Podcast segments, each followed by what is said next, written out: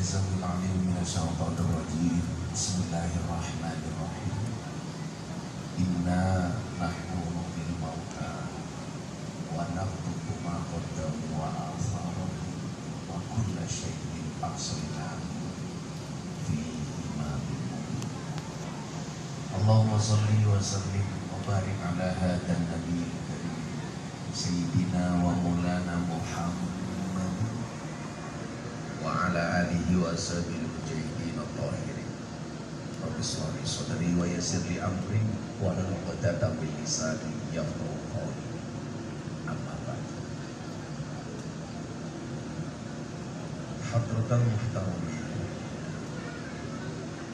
para masyayikh para kiai alim para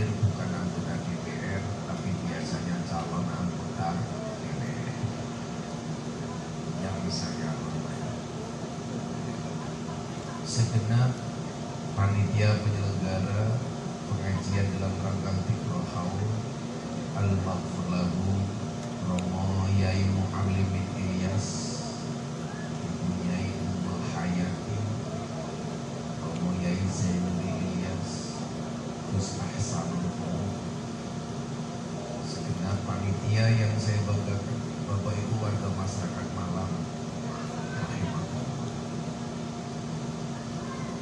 beli bawang di pasar ada gajah minumnya susu dari orang Malang apa kabarmu? Izinkan Gus Sultan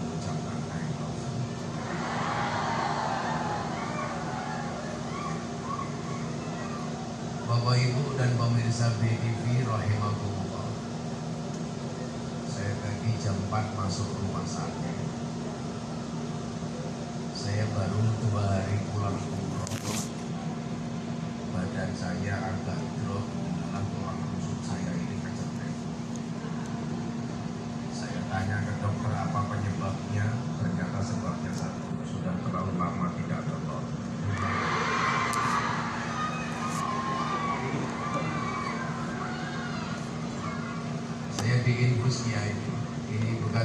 infusnya masih berdarah.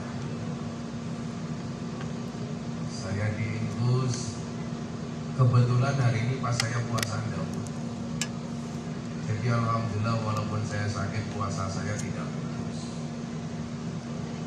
Saya bilang sama dokter. Dokternya bilang sama saya Gus ini seharusnya opnam rawat inap. Gus minta istirahat di rumah sakit Wenteng ya. saya jawab sama dokter "Dok, saya malam ini mau ngaji Kuningan Wenteng. Kulino. Nabi itu pernah bersabda manusia itu akan dimatikan sebagaimana kebiasaan. Wenteng. An-nasu yamutuna ala ma'asu wa yuba'asuna ala ma'matu Seseorang itu akan dimatikan sebagaimana kebiasaan dia hidup dan akan dibangkitkan sebagaimana dia mati. Kebiasaanmu dalam hidup yang akan menentukanmu bagaimana kamu mati dan bagaimana kamu mati yang akan menentukan bagaimana kamu akan dibangkitkan. Itu artinya apa? Kalau manusia sukanya ngaji, hampir bisa dipastikan menurut hadis ini dia akan mati dalam keadaan orang suka baca Quran, kemungkinan besar dia matinya dalam keadaan tamil Quran. Kalau ibu-ibu sukanya ngerasani, ya bisa jadi matinya dalam keadaan ngerasani. Sing sing seneng ngrasani biasanya jilbabe coklat.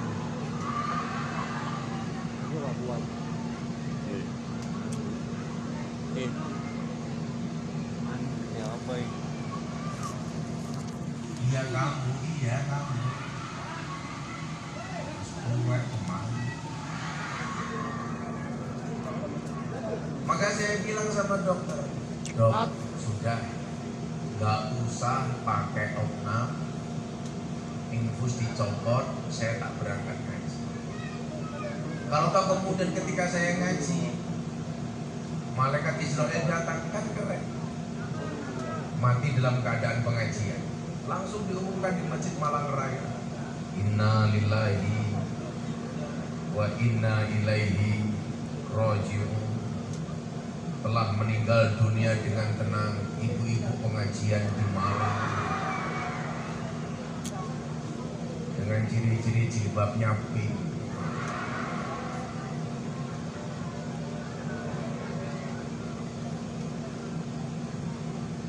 semua gitu saya duduk aja sakitnya minta ampun. Tapi kayak di luar saya punya banyak punya pengalaman sekian pengalaman kiai-kiai saya itu lebih suka hadir di majelis dibandingkan dirawat di rumah sakit. Di Jogja itu ada kiai besar namanya Ahmad Darbiri Bagi Ahmad Darbiri pulang pengajian dari Magelang ke Jogja di Muntilan tabrakan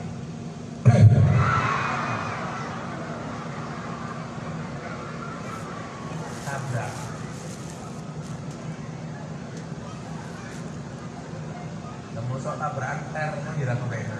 kecewa ya oh. penonton yang harus kecewa Kepalanya itu retak ya.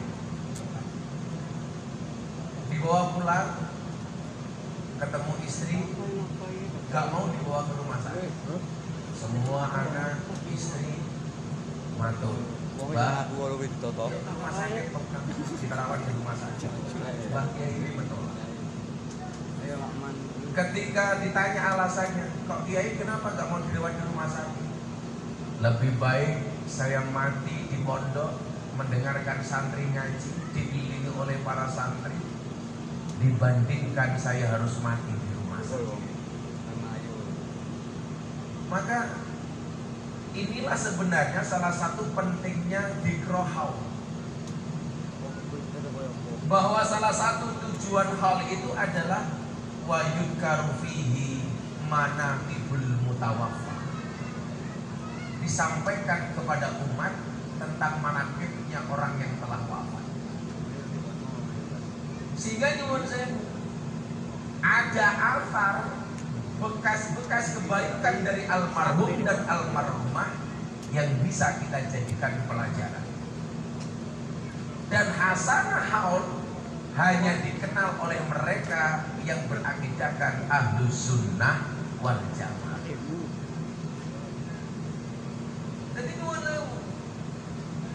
Ketika tadi ayat yang saya baca di mukaddimah, inna nahnu nuhil mauta wa naktubu ma qaddamu wa atharu.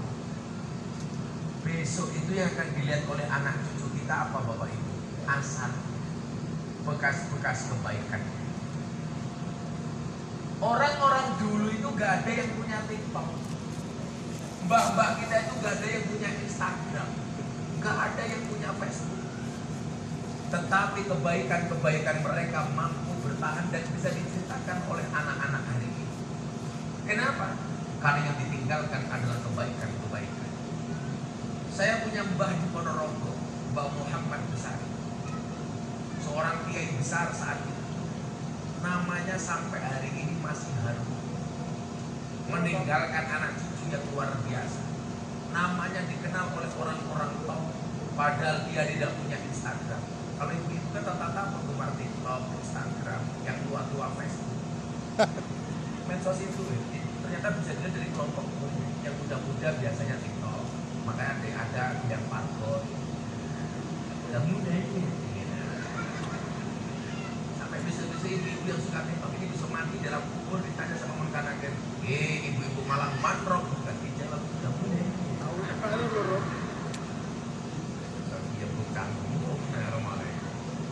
Cap yang agak dewasa dikit itu suka dengan Instagram. Yang sepuh-sepuh biasanya lebih suka dengan Facebook. Itu sepuh-sepuh makanya saya punya jamaah kayak usianya 60 tahun ibu janda. Jam 11 malam nulis status di WA ada nggak yang mau jadi imam? Langsung saya jawab ada mbak Sinten Gus Israel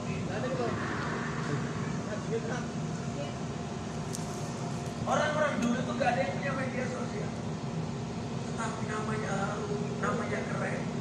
Kenapa? Karena ada asal, ada bekas-bekas kebaikan yang ditinggalkan. Maka nyuwun sewu. Pertanyaannya adalah asal apa, bekas apa yang kita tinggalkan untuk anak cucu kita. Tahun 2021 saya haji bareng dengan mantan ketua umum PBNU. Ketua umum PBNU sebelum Gus Yahya. Profesor Dr. Kiai Haji Said Agil Sirot. Kebetulan dengan Pak Said, saya sama beliau sama-sama prof. Kalau Pak Kiai Said profesor, Gus Miftah provokator. Bikinlah acara kita di Madinah. Arti waktu itu acaranya Maulid Nabi di salah satu hotel di depan Masjid Nabawi. Saya kebetulan baru dua hari pulang umroh. Semua yang hari ini saya doakan mudah-mudahan segera dipanggil oleh Allah.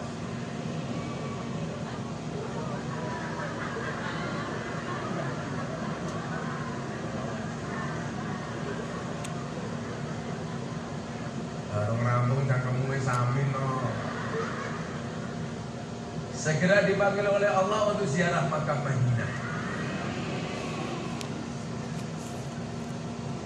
Segera dipanggil oleh Allah alhamdulillah.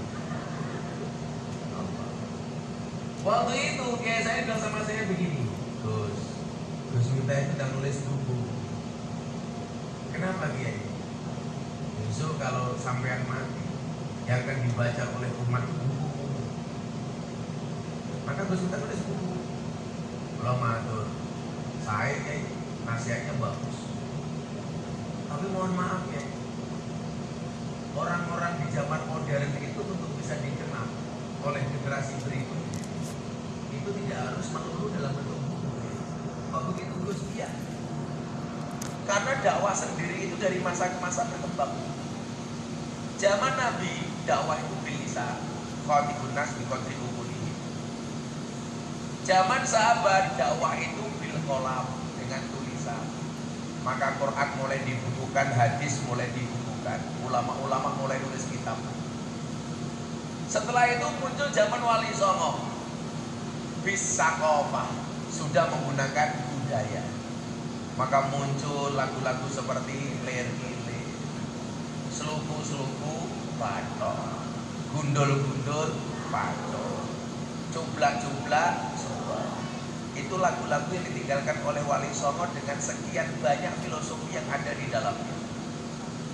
Digawe cerita, judul lagu yang keren-keren. Dondong apa salah, tuku cilik, cilik. Andong apa becak, melaku dime, dime. Itu filosofi-filosofi yang diajarkan oleh Wali Songo. Kenapa kan maknanya Gus? Ada. Ini mohon maaf ya, ini saya pakai bahasa Indonesia karena acara kita malam hari ini kebetulan. Ini ada kru saya dari BTV. Ini ada acara saya di BTV namanya Jalan Dakwah Gus yang tayang setiap hari Sabtu dan Minggu jam 12 siang. Jadi ibu-ibu yang belum sadar ada kamera banyak karena masuk TV, tolong wajahnya didandani. Ya. Tapi kalau saya lihat di sini, masya Allah dari sana tadi kipas-kipas terus. Saya yakin anda kipas-kipas bukan karena takut panas, tapi karena takut luntur. Aku zizi. Ini kita masuk BTV. Alhamdulillah acara saya di BTV itu acara dakwah terbaik di seluruh TV di Indonesia. Ratingnya paling tinggi. Eh, gua jangan ngadek le, dasmu di kamera ya. Ngadek. Nah, Bapak Ibu yang saya muliakan, saya lanjutkan ini. Bisa koma. Contoh tadi yang saya bilang dondong apa salah. Ibu-ibu pilih dondong apa salah? Ya, ampun dan oh ya saya udah soalnya saya tanah ibu siap ini.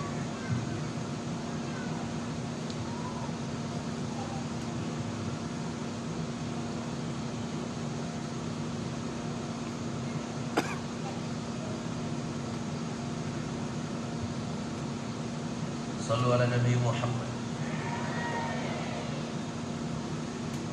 Ibu-ibu milih dondong apa salah?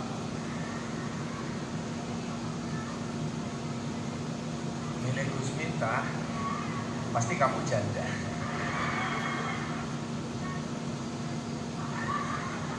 Dondong apa salah malah milih Gus Miftah. Sorry, aku sama kamu beda pemikiran. Kamu mikir aku, aku mikir yang lain.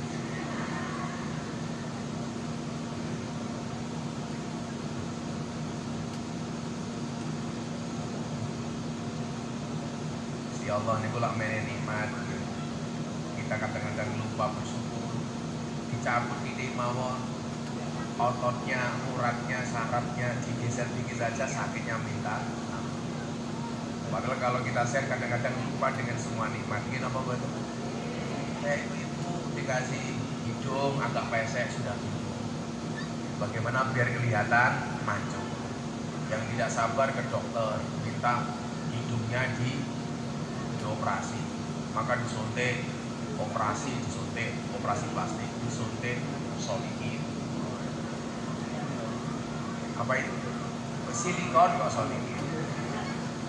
Ya bu. Yang nyuntik silikon namanya dokter solikin. Nah, tembe pesek ini sih dilihat mau pesek itu. Padahal kudune nggak perlu di diketuni pesek. Merongos titik wis bingung. Ya, Pabri. Padahal wong merongos niku nyuwun sewu, kalau lomba lari pasti juara. Karena kakinya belum finish, giginya sudah finish.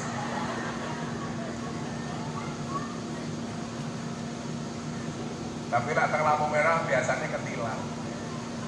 Motornya masih di belakang si Bagros, giginya sudah di depan. Tapi yo, betul ada bingung, merongos ini wis bingung. Apinya dipasang, kawat. Pantesan kawat jemuran di pondok saya hilang terus. Colong. Istri saya mantul, Mbak boleh nggak saya pakai kawat gigi? Saya jawab nggak boleh. Kenapa? Aku sisi. Kamu pakai kawat gigi tak cipok nyantol cangkem Gila.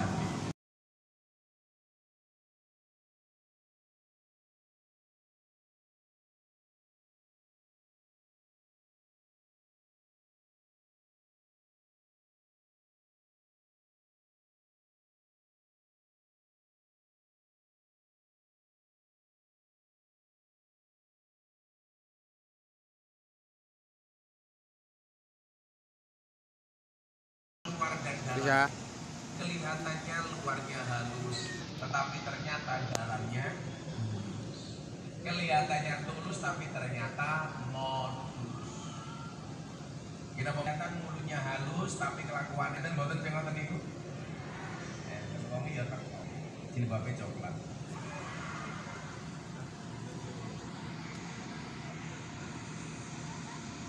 Saya ini sering matur, orang yang kasar dalam berbicara itu biasanya justru lebih jujur. Ketimbang orang yang halus dalam tutur bahasa, tapi biasanya bermuka dua.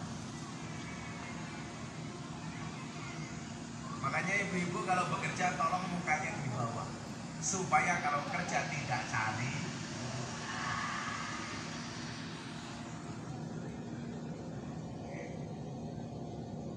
itu tidak ditolak ternyata juga tidak. Karena nyuwun sewu walaupun dalamnya halus tapi ditampilkan dengan bentuk yang kasar, maka kemudian yang terpilih bukan dondong, bukan salah, tapi justru duku walaupun cilik-cilik. Kenapa duku dipilih? Karena ada kesesuaian antara luar dan dalam. Api jogo ya. Mila nopo wong wedok dandan iki yo penting. Ya. Yo penting. Perempuan kalau mengatakan udah saya nggak perlu dandan, saya udah punya pasangan, kamu salah. Tetaplah dandan walaupun kamu sudah punya pasangan, karena di luar sana pelakor lebih menakutkan dibandingkan hantu kuburan.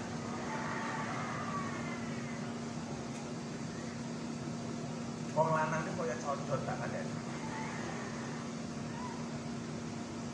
Contohnya Gus Miftah matamu. Wong lanang ki lak ning jaba pengajian delok cewek ayu. Iku bengok. Wow. Mulai ning kamar ketemu bojone gue. Wong lanang ki kurang ajar. Wong lanang ki ning dalan delok bocah cilik. Niku kelingan karo anaknya ning omah. Di luar lihat anak kecil, ingat ya sama anaknya di. Tapi kalau di luar lihat wanita cantik, lupa dengan istrinya di rumah. Betul kan? Tapi itu orang Jogja ya, Bu, ya? Orang Malang insya Allah. Luwe parah. Wong lanang orang itu iki bedane siji. Wong lanang ini semakin kaya, dia akan semakin butuh perempuan. Tapi perempuan semakin kaya, dia semakin tidak butuh dengan laki. Laki-laki itu semakin kaya, semakin nakal. Perempuan semakin nakal, semakin kaya.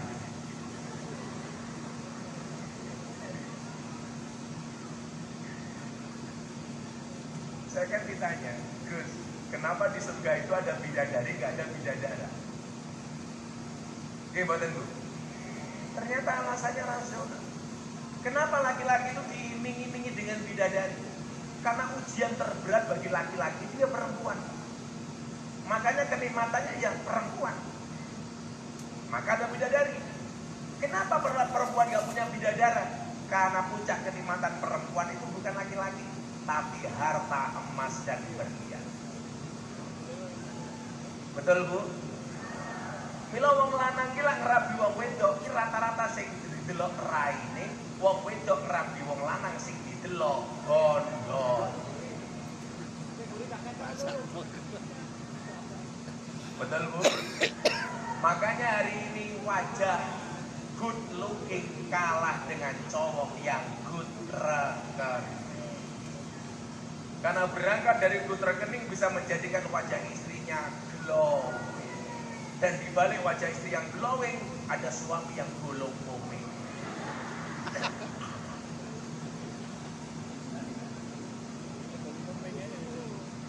Ampuni jangan ya Bib ya. Ajaib. Tanggung minta dong. Terus tak sadar mateng.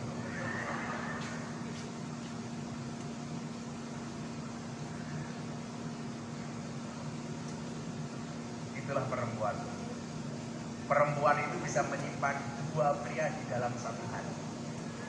Tapi ingat, laki-laki bisa membeli tanpa harus mencintai.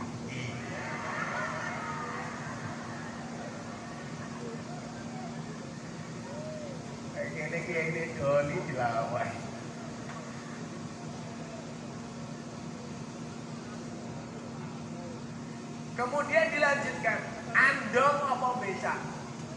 Ternyata andong tidak dipilih, becak tidak dipilih. Kenapa andong tidak dipilih? Karena di tengah-tengah kebahagiaan penumpang ada dia yang tersakiti. Siapa?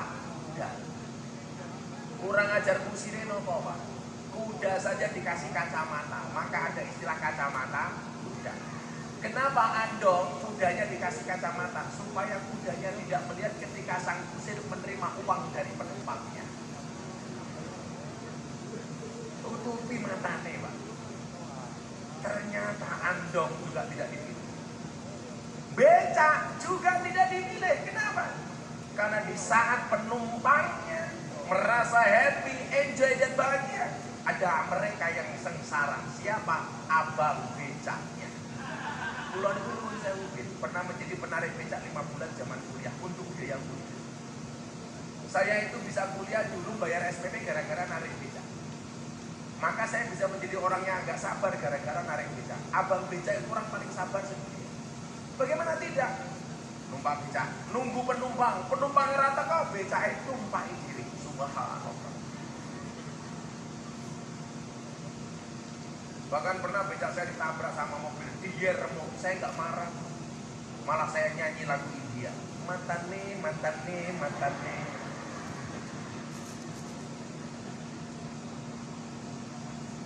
Kita top. Andong dan becak tidak dipilih. Pak? Melaku time time. Ternyata yang dipilih adalah mereka yang jalan walaupun cuma pelan-pelan. Kenapa jalan dipilih dong? Karena jalan tidak merugikan orang lain. Nah, wali-wali kita dulu pengen mengajarkan kepada kita satu tentang ketulusan. Seperti halnya duku cile-cile, walaupun kamu kecil tapi kamu harus tulus. Makanya tadi benar Pak Kiai, semuanya tergantung kepada niatnya. Tadi Pak Kiai apa loh? Lah iki orang masih iki, lah iki masih iki loh. Samanya dengan niat kita. Saya itu kalau pengajian maulid sama Abah Lutfi, itu pasti saya ajak jamaah untuk melamalkan niat untuk menghadiri maulid itu. Soalnya apa? Kalau pengajian itu belum tentu maulidan, kalau maulidan mesti pengajian.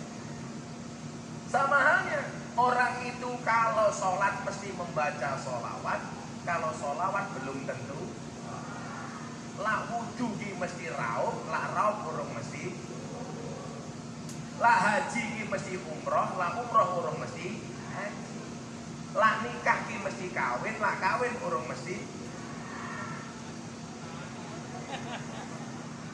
Lah nikah ki ana saksine, kawin ora ana.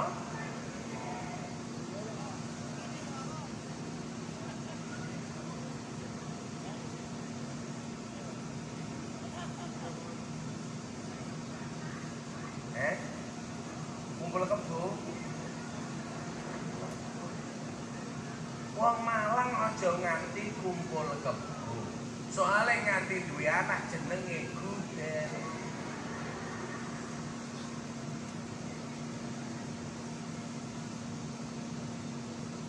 butuh ketulusan. Maka di situlah kita dikenalkan dengan bahasa ikhlas, ruhul ikhlas. Maka Bapak Ibu yang saya muliakan, banyak kemudian ayat yang kita baca isinya tentang keikhlasan. Wa ma umiru illa liya'budullaha mukhlisina lahuddin. Yang membedakan orang dulu sama orang sekarang itu apa? Masalah keikhlasan itu. Jauh. Anak-anak muda sekarang kalau berbicara ikhlas dengan orang tua dahulu jauh. Coba kita urai satu-satu. Apa sih bedanya orang dulu sama orang sekarang? Orang dulu itu punya prinsip. Prinsipnya orang dulu apa tuh? Kumpul mangan ramangan, sing penting. Kalau anak sekarang ternyata tidak. Kalau orang dulu mangan ramangan sing penting kumpul, orang sekarang kumpul ra kumpul sing penting Kalau orang dulu itu lebih mengutamakan kekerabatan dan kekeluargaan, orang sekarang lebih mengutamakan makanan dan bado. Makanya kalau diajak pengajian mesti datang takut ku subuhane. Oh. Itulah alasan kenapa perempuan kalau pengajian mesti bawa tas.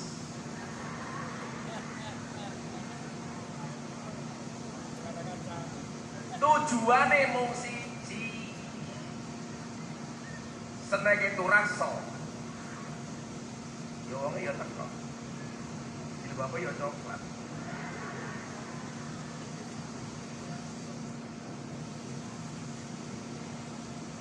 coklat meneh le selawatannya apa tapi jangan satu dua ini kayak selawatan di situ mulai kerosot sakit banget kamu selawatan so, selawat lagu apa ya dong Pak Bancam Iwa badem Iwa badem Ono iwa safar Gusti ganteng Muka-muka bojoni Sehat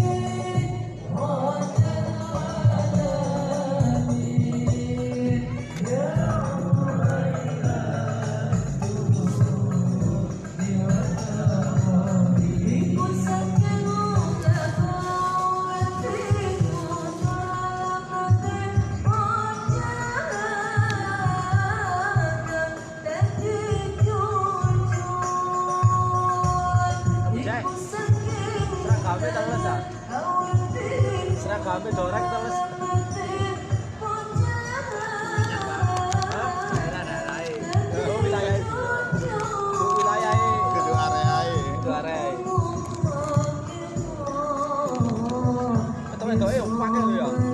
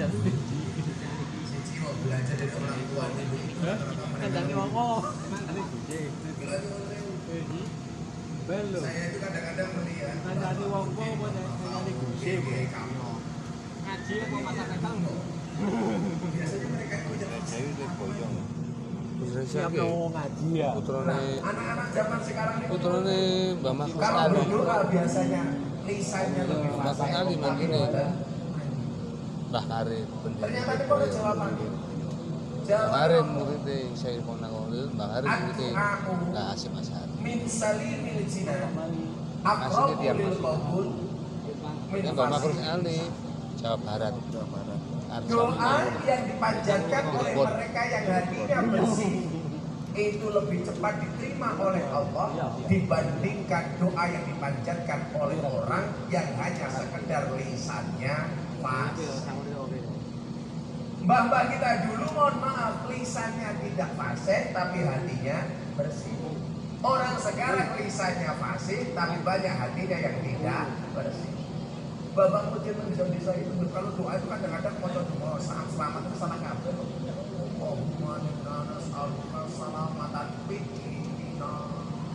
Wa afiatan fil jasadina. Semuanya orang fasih tapi mandi. Orang sekarang banyak yang dungone fasih tapi boten mandi. Yang membedakan di mana? Tengah hati. Orang dulu lisannya tidak fasih tapi hatinya bersih. Orang sekarang banyak yang lisannya fasih tetapi hatinya tidak bersih. Itu belajar dari bapak kita. Mula mula itu seneng banget memakai bapak zaman dia mau coba berjanjian itu. Masya Allah. Itu aku tak diganti. Udah mungkin ngaji cangkem lu boros baru begitu. Kamu bu, cocok. Ibu janda tahu bedanya jahe sama kamu. Jahe mengandung vitamin C, kamu mengandung anak kita. Iya. Cocok, cocok. Masya Mbak-mbak dulu itu kan tahu, lama tak berjanji dan musola musola terlanggar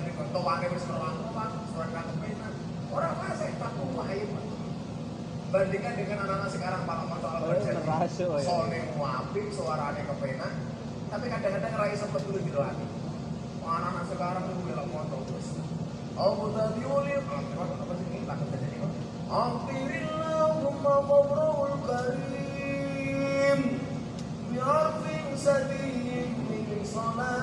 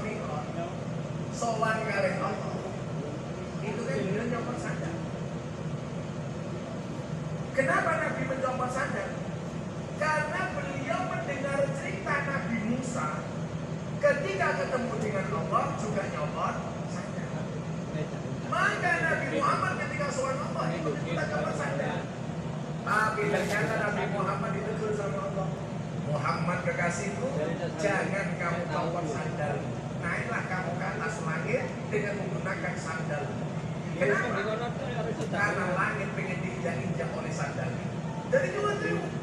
Nabi Musa itu juga ulul azmi, kanji Nabi Muhammad juga ulul azmi. Tapi kemuliaan Nabi Musa tidak bisa mengalahkan kemuliaan Nabi Muhammad. Buktinya nopo, Nabi Musa suat Allah suruh nyobor sandal. Nabi Muhammad suat Allah suruh menggunakan sandal. Kalau dia biasa dikerjakan itu, kalau dia kaya gitu. Sandalnya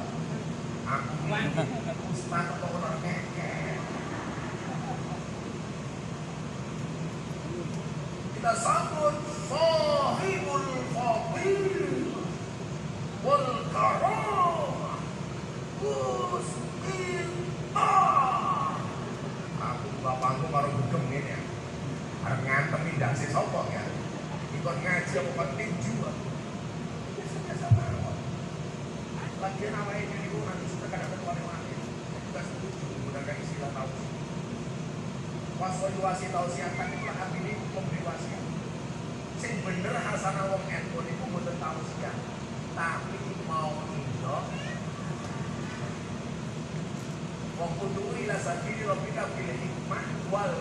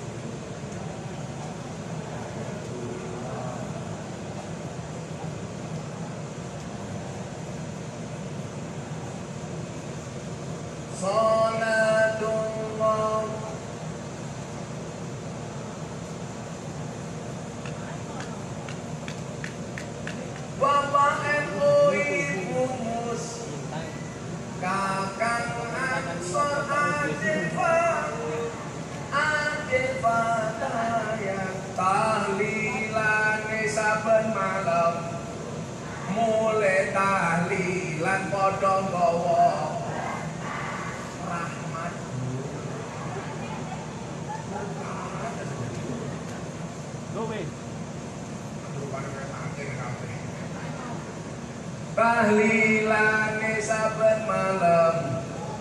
Mule tahlilan padha ngowo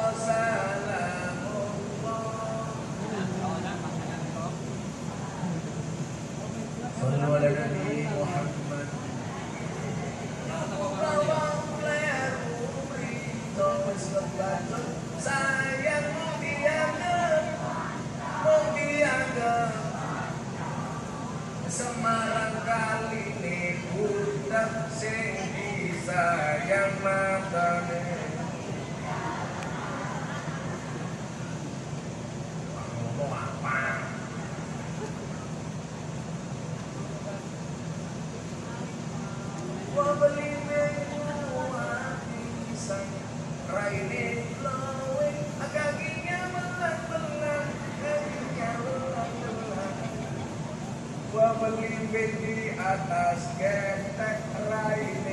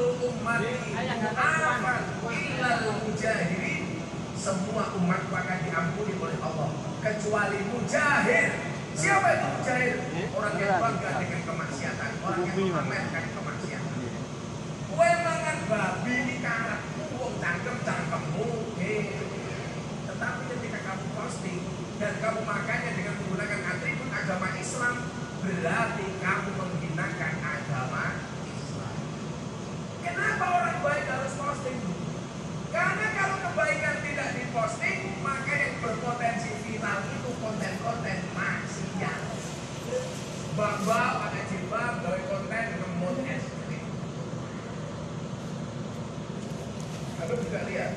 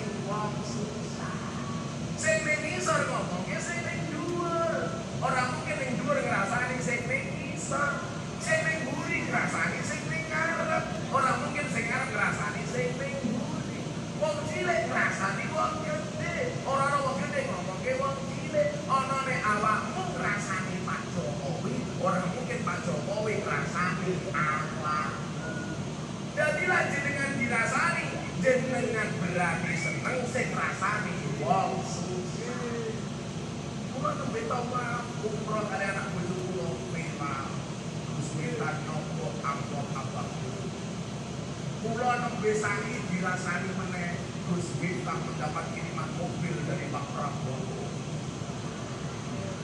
Begitu indahnya hidup saya ya Allah. Untung aku kayak segini. Jadi saya gak ada urusan dengan komentar-komentar seperti ini. Komentar-komentar kata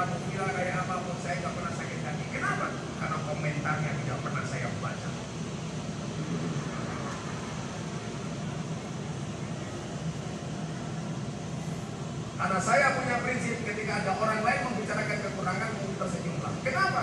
kekurangan musa jadi perhatikan apalagi kelebihan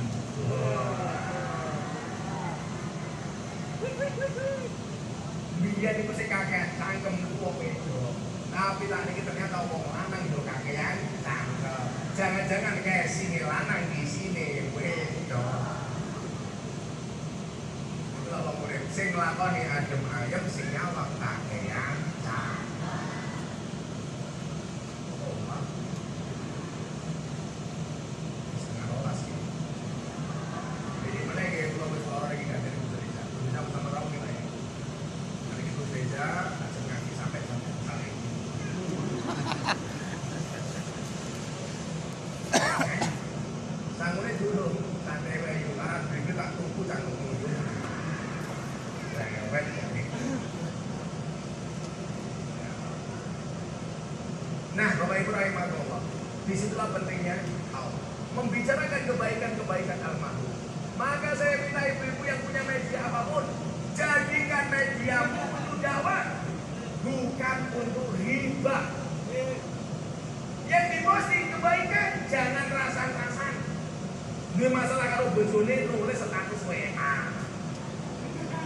duwe masalah karo bojone update status Facebook. Kono rasa mulai sisan.